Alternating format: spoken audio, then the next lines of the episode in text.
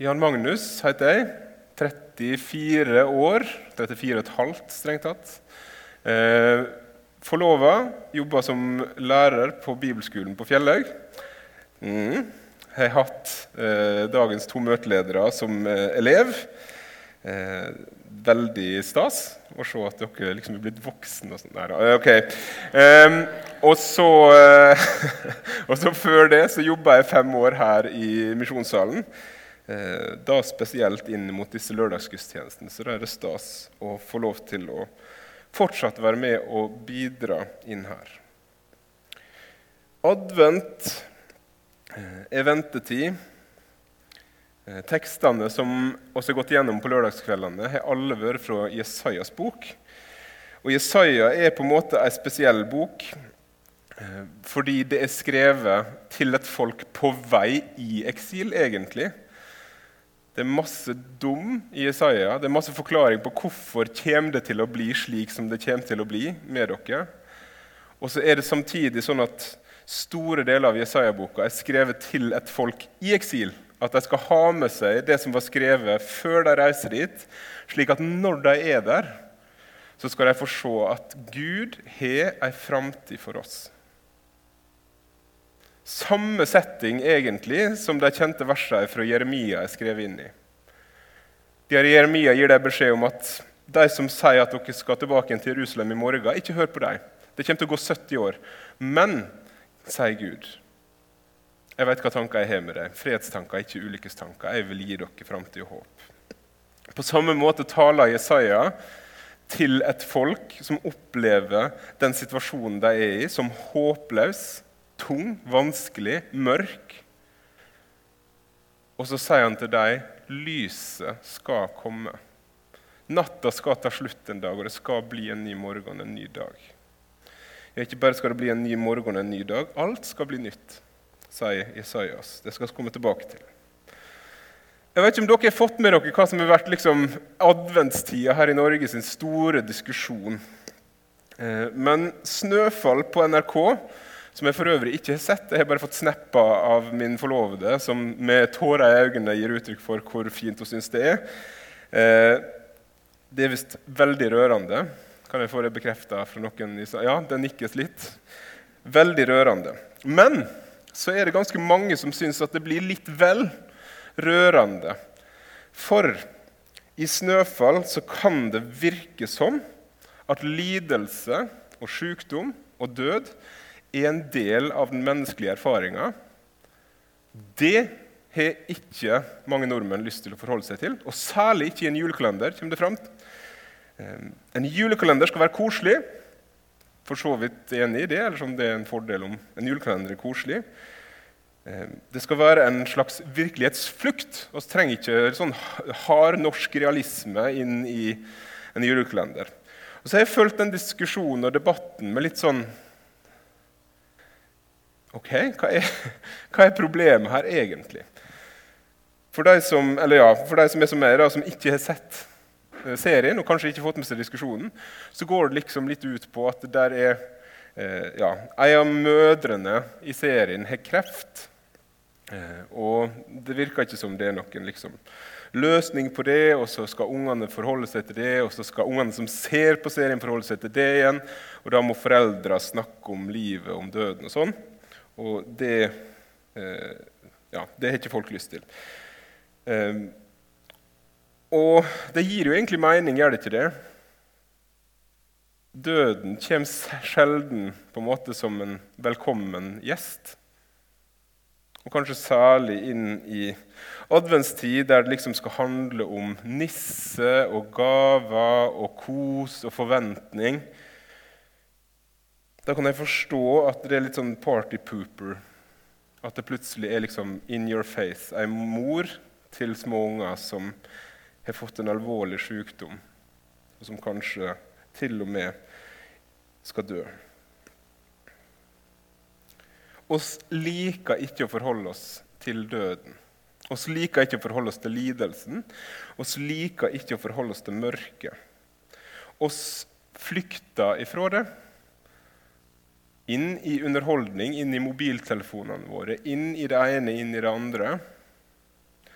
Og hvis oss møter det også der, på en nærgående måte, så send oss klage til Kringkastingsrådet.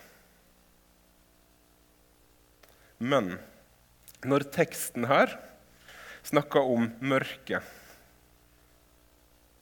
og for så vidt når Snøfall snakker om kreft, så er det en beskrivelse av realiteter.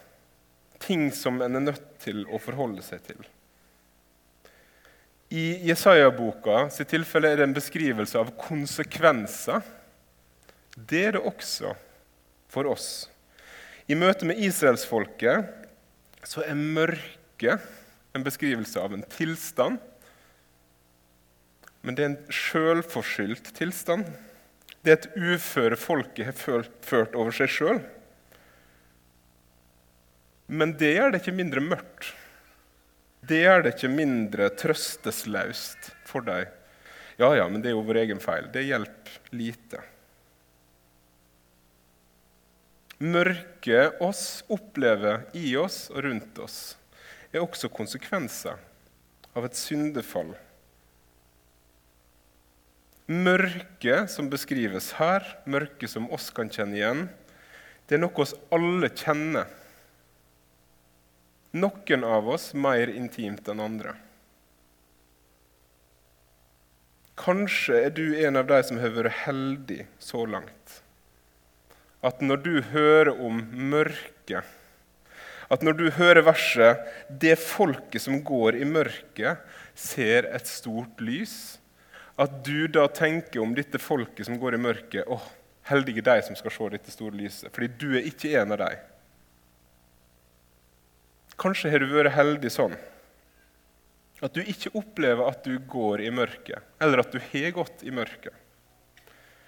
Men Mørket det kommer til oss alle på et eller annet tidspunkt, på en eller annen måte. Om du bare kjenner det via via nå, så skal du kjenne det mer direkte en dag.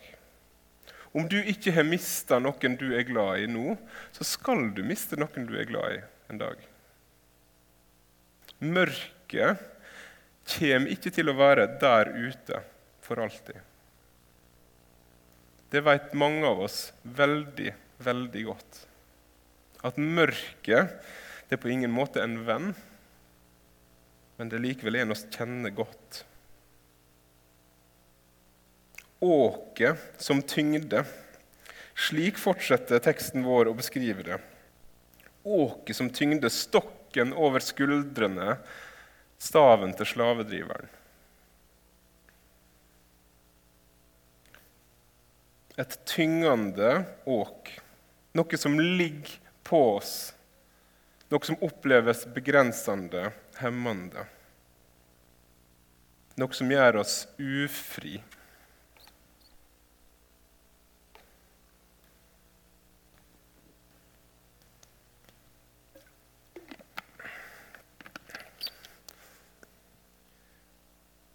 Kanskje kan det være noen trøst for oss å vite at dette åket det er noe som ikke bare du kjenner.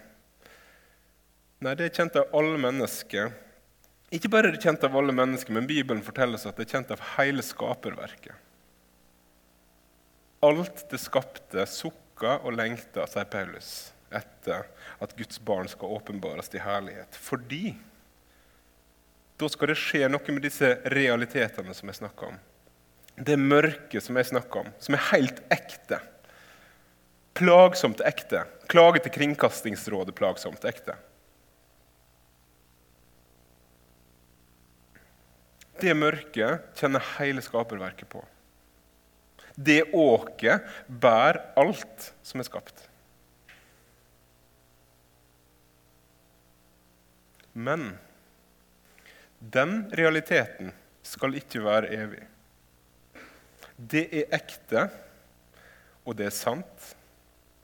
Det du går igjennom, det du tenker på når jeg snakker om mørket, når jeg snakker om ei byrde som er tung å bære, og som begrenser deg. Det er sant, og det er ekte, men det er ikke evig. I teksten vår så står det at det er en som har brøtet synd dette åket. At det folket som går i mørket, de skal se et stort lys. Så mørket, ekte, sant. Men der skal lyset skine. Åket, ekte, konkret. Men det skal det barnet som fødes, bryte. For et barn er oss født, en sønn er oss gitt. Herreveldet er lagt på hans skulder. Han har fått navnet underfull rådgiver, veldig Gud, evig far, fredsfyrste. Så skal herreveldet være stort og freden uten ende over Davids trone og hans kongerike. David han fikk beskjed fra Gud når han sa til Gud Gud, jeg syns det er så stas å få være konge for ditt folk at jeg har lyst til å bygge deg et hus som du kan bo i. Det sier David til Gud. Gud sitt svar til David, og her parafraserer jeg Hva skal jeg med et hus å bo i? Men du, David, jeg skal lage et hus for deg som varer evig. Jeg skal gjøre det sånn at ditt navn, at de kongerekke, de kongsmakt, aldri skal ta slutt. Ganske kult løfte, sant? Så går det to generasjoner. Så er Israel delt i to. Så går det noen generasjoner til. Så er hele folket ført i eksil. Først fra Nordriket, Israel, så fra Sørriket, Juda. Men inn i dette så forventer og venter jødene på at det skal komme en fra Davids slekt en dag. Og da skal alt bli nytt. De tenkte nok at det var veldig på denne sida av evigheten. Det kan man se når Jesus kommer, og hvordan han blir møtt. Han var ikke sånn som de hadde forventa.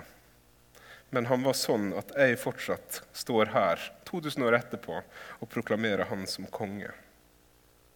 Underfull rådgiver, veldig Gud, evig far, fredsfyrste.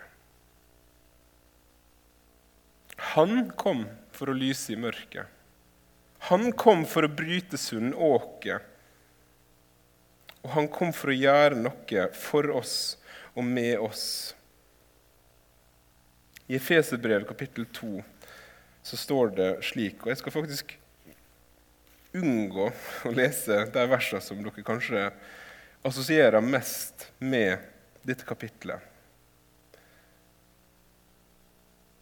Efeserbrevet kapittel 2 vers 1. Dere var en gang døde pga. misgjerningene og syndene deres. Dere levde i deg slik en gjør i denne verden, og lot dere lede av Han som styrer i himmelrommet, den ånda som nå virker i de ulydige. Ja, En gang levde oss alle som deg. Oss fulgte lysten i vårt eget kjøtt og blod, og så gjorde det vårt kjøtt og våre egne tanker ville.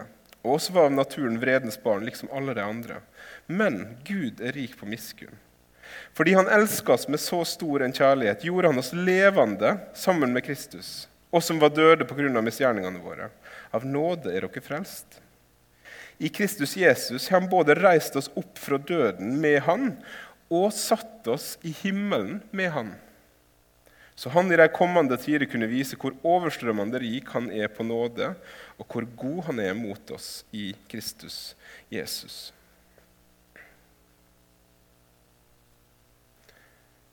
Gjennom 4000 år i hvert fall så har Guds folk stort sett vært et folk på vandring. Først veldig konkret. Helt ifra Abraham får et løfte om at du skal få et land og et navn, og jeg skal gjøre det til velsignelse for alle folkeslag. Helt derifra så er de på vandring.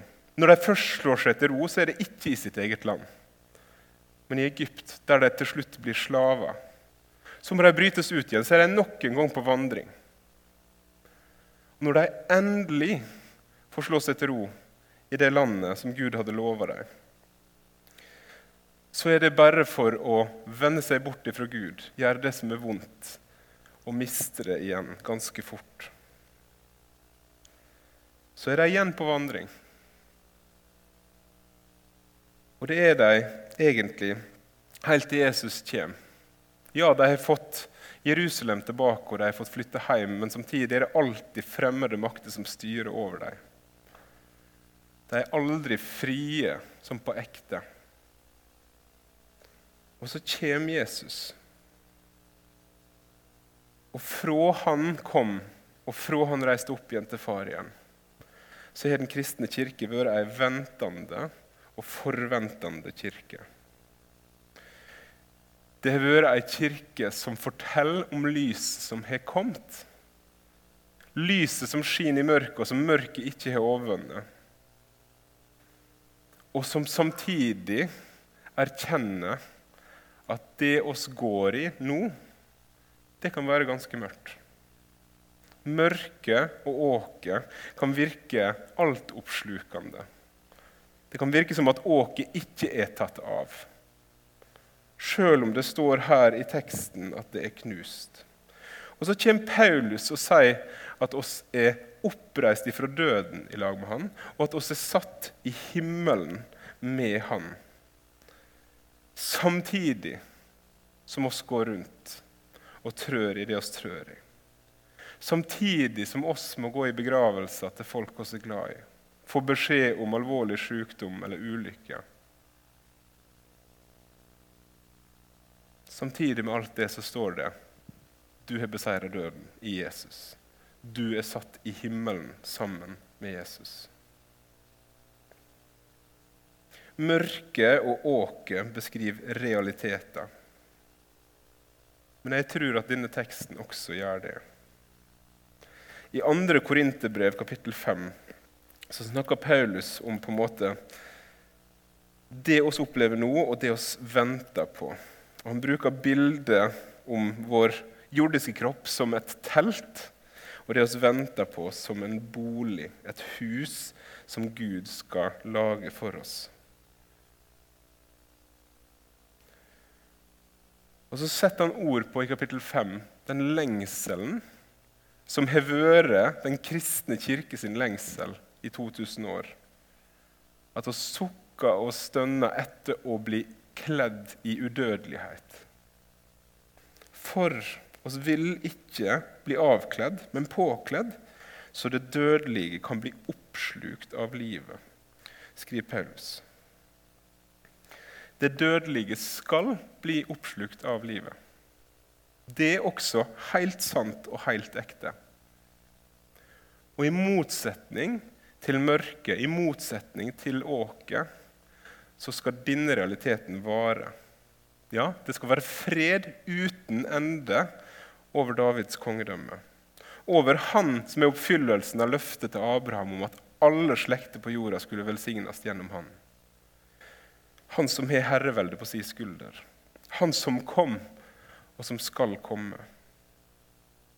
Han skal komme igjen, og da skal mørket opphøre å eksistere. Da skal åket knuses en gang for alle.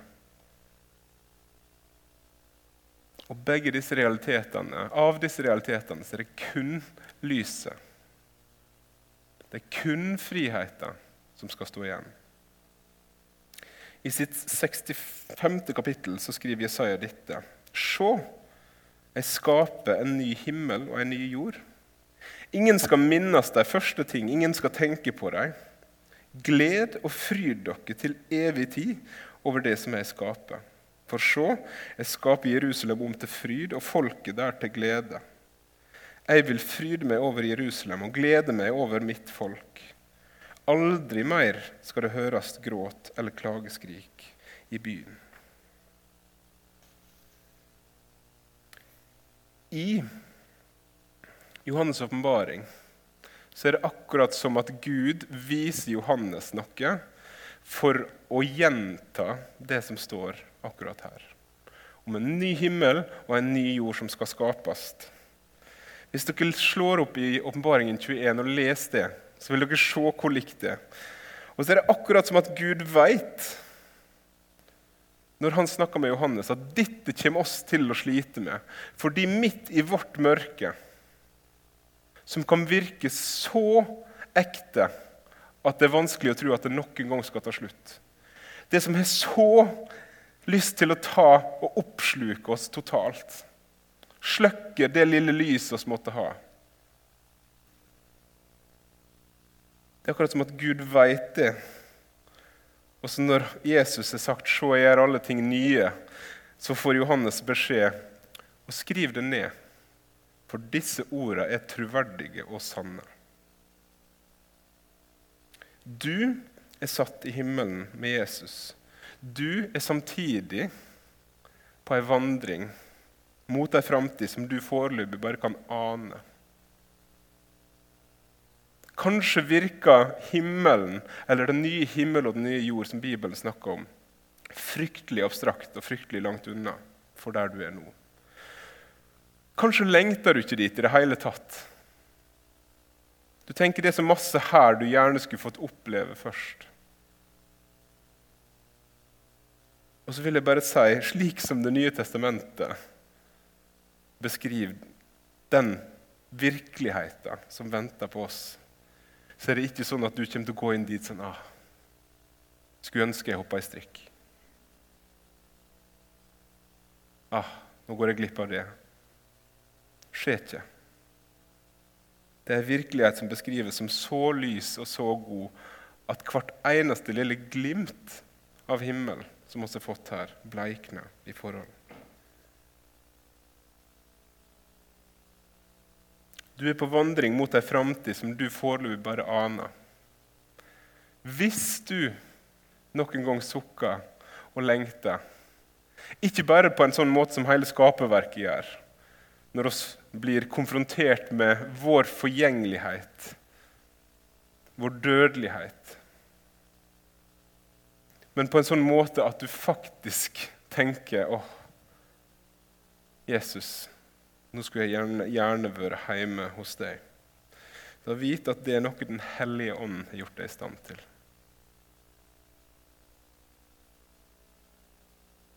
Kanskje er det mer heimlengsel å vente framover. Jeg tror vi bør øve oss på å lengte hjem. Når du opplever gode ting, sitter du og et god mat sammen med gode venner. Ja, send da en takk for det glimtet det er av den framtida som venter. Og de dagene det er mørkt for deg, sukk til Gud. Og takk samtidig Han for at Han skinner i mørket, og at mørket ikke er det. For det som venter der framme, den framtida du bare aner, det er det som er ekte. Det er det som er sant, og som kommer til å være det alltid. Ditt mørke, den byrda som du bærer, den skal tas av. Det skal slutte. Lyset skal seire, og lyset har seira. Begge disse tingene er sant samtidig allerede, enda ikke. Og i dette enda ikke, da, mens oss er på vandring, så har oss en fiende, og ikke bare én, er mange, som ønsker å gjøre mørket komplett for oss. Eller som ønsker å peke på mørket og si hm, er ikke det der egentlig lys, da? Og så er en fiende som ønsker å holde sannheten nede i urett som Romerne 1 snakker om, og de er bunden i lenke. Han vil ikke at du skal lengte hjem. Han vil at du skal sende klage til Kringkastingsrådet i stedet hver gang du blir konfrontert med ideen om at dette livet en dag skal ta slutt. Han vil at du skal bytte ut Guds sannhet med løgn. Og jeg vil be deg, ikke la han gjøre det. For han har lova at en dag så skal han tørke hver tåre. En dag så skal han gjøre alle ting nye og alle ting gode. Og så håper jeg at oss kan være enda en generasjon som venter og som lengter. For denne adventstida, hvis du ser på de tekstene som har vært søndagstekster disse siste ukene, så inviteres du til å se ulikt på lidelse, både i ditt eget liv og i verden rundt deg, enn det alle andre gjør. Forrige uke var det Lukas 21, der Jesus beskriver at det kommer til å bre seg frykt over hele jorda, for det kommer til å skje forferdelige ting. Når alt dette skjer, sier Jesus, løft da blikket, for da skal dere snart settes fri. Når lidelsen rammer, når mørket er der, protester høglytt slik som jeg fikk gjøre i begravelsen til pappa når han sang 'Deg være ære, Herre over dødens makt'.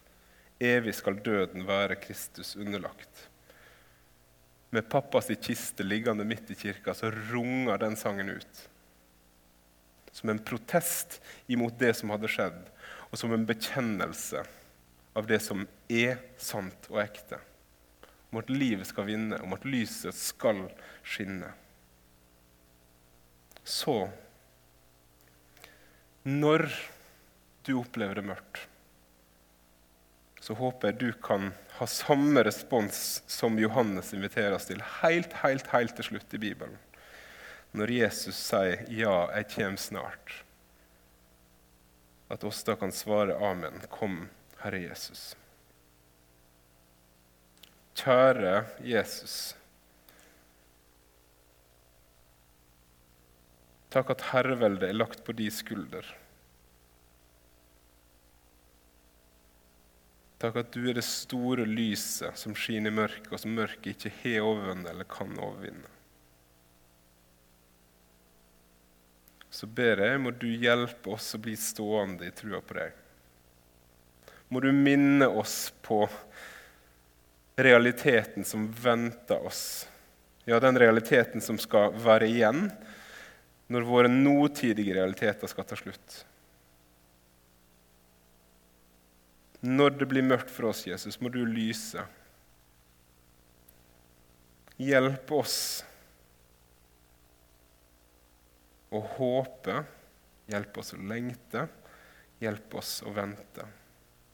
Og så takker jeg deg, Jesus, for at vi ikke skal vente for evig, men at du kommer, akkurat som du kom for å gjøre alle ting nye, for å tørke hver tåre, for å gi en ny himmel og en ny jord, og for å la det dødelige bli oppslukt av livet. Hjelp oss å vente på det.